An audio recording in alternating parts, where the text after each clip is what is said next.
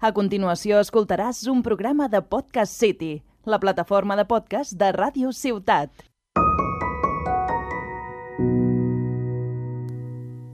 ...11 de junio de 2010, minuto 55.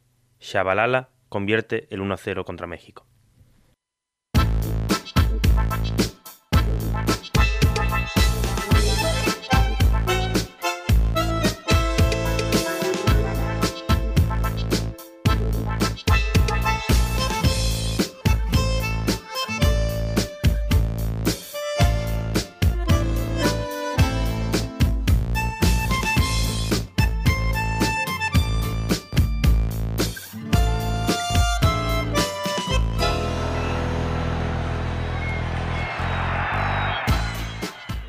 Corría el año 2009. En octubre se había jugado un partido que para mí, en aquel entonces, era irrelevante. Una Argentina-Perú. Se jugaba en el Estadio Monumental, el bastión de River Plate. Por la diferencia que hay entre España y mi Argentina natal, no había aquel partido. Es más, en aquel momento me era completamente irrelevante el fútbol para mí. Si bien ya jugaba en el patio del cole, para mí era eso solamente, un juego. Yo no me enteré que en ese partido entre Argentina y Perú, la albiceleste se jugaba la clasificación al Mundial de Sudáfrica, y que gracias a un gol polémico y agónico en el último minuto del titán Palermo, la Argentina jugaría el Mundial. Del partido, viene el centro, quedó bollando para quién, para Di María, ahí está Di María, otro centro, la pelota le quedó para el Pocho, pegale, ahí va el Pocho,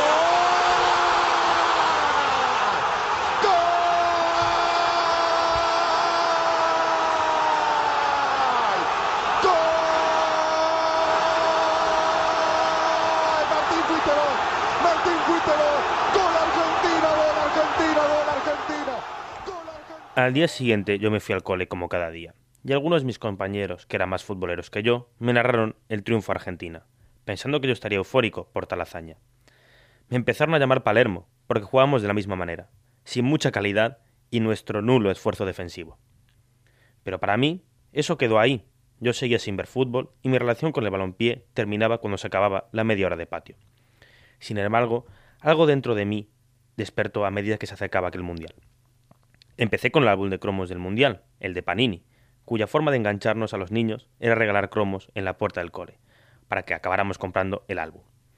Recuerdo que el álbum, además de los cromos, también traía el cuadro del torneo, por lo que podíamos especular con qué país sería campeón.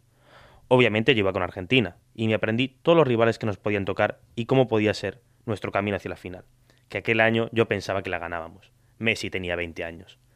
Entonces llegó el Waka Waka.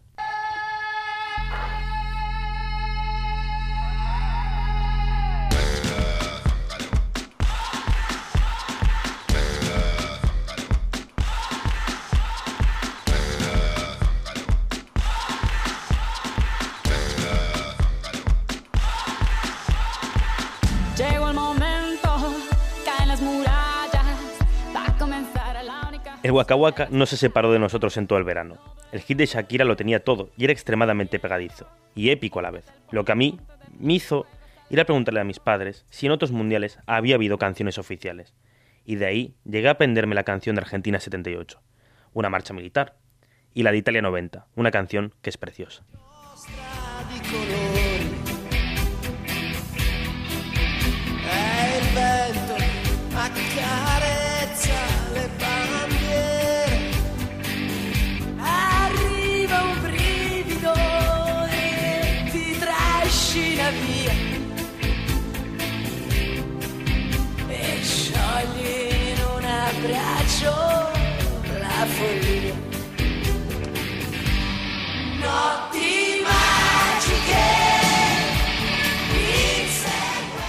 De ahí pasé a encontrar los comerciales argentinos para los mundiales, que eran muy populares en mi país, con las marcas nacionales que mandaban el aguante a la selección. Mi favorito, este de Quilmes.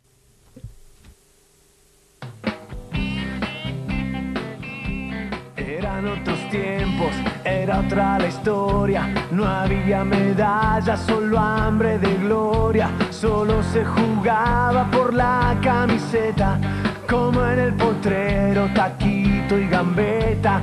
Y vino una copa, llegó la primera, con el matador envuelto en banderas, la gente alentaba en cada partido. Hubo un papelito por cada latido. Después vino el Diego. Ahora ya nos plantamos en Sudáfrica. Ya estaban todos. España, Alemania y Brasil partían como las favoritas, seguidas por Argentina y la Holanda de Snyder.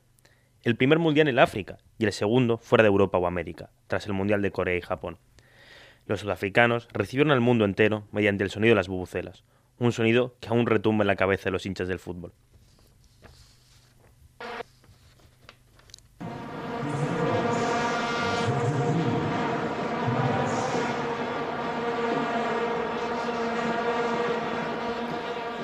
11 de junio, viernes por la tarde, 16 horas, la hora de la siesta en España. No puedo recordar si vi el partido entre México y Sudáfrica. En mi cabeza es posible que lo viera en el salón de mi casa, o al menos vi un extenso resumen.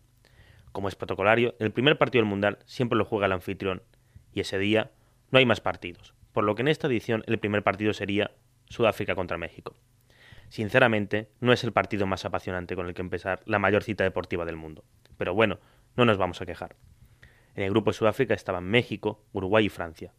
Como Argentina estaba en el grupo B, dependiendo de esos resultados, se sabría quién sería nuestro rival en octavos de final, por lo que yo sí que tenía interés en los resultados de aquel partido. Sin embargo, ni yo podía saber lo que iba a vivir en un poco interesante Sudáfrica-México, hasta que en el minuto 55 pasó lo siguiente.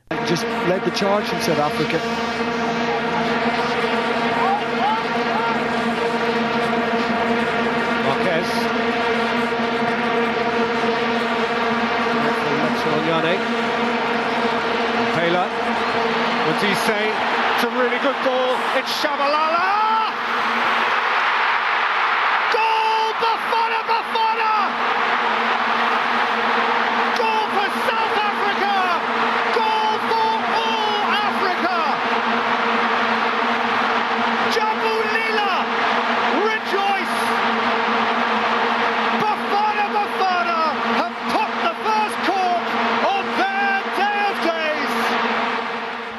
Mis ojos quedaron abiertos como platos. No sabría explicar el porqué.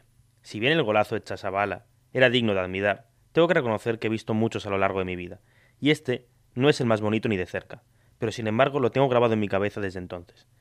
Y a día de hoy me basta con pensar en él, y lo recuerdo como si hubiera sido yo el que hizo ese gol. ¿Quién es Chabalala? os preguntaréis. Yo también me lo pregunto. Jugó gran parte de su carrera en Sudáfrica, y la verdad que su carrera ha sido discreta, aunque larga y este gol a México fue el último de los siete que convirtió con los Springboks. No hay motivo para que recuerde tanto este gol, ¿no? Ni me gustaba Sudáfrica. Yo iba con México por Rafa Márquez y el Chícharo. No conocía a Chabalala, y ni entendía por qué después de ese gol todos sus compañeros fueron a la banda a bailar con él. Sí, el gol fue muy bonito e importante, pero no debería significar tanto para mí.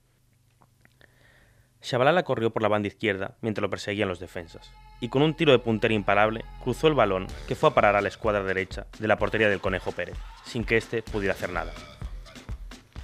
El otro protagonista de este gol fue el balón del Mundial, el Yabulani, que era como un globo, que si le pegabas con fuerza nunca sabías dónde iría a parar. A mi hermano le regalaron ese balón para su cumpleaños, y durante todo el verano yo traté de emular aquel gol. Y también el bailecito, no os voy a mentir. Fue la primera vez que sentí algo así, y lo más bonito es que lo he sentido mil veces más después de aquel gol, porque gracias a ese gol empecé a entender el juego, a mirar y aprender sobre los jugadores, los equipos, los estadios, los escudos, rivalidades, cánticos, que hacen este deporte algo maravilloso.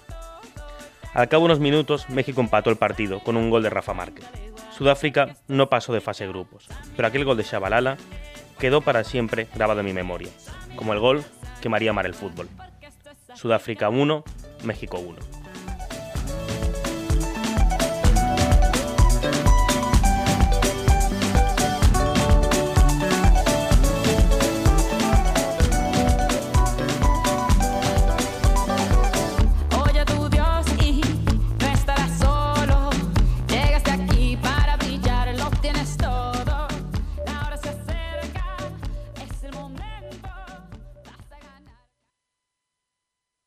Has escoltat un programa de Podcast City, la plataforma de podcast de Ràdio Ciutat.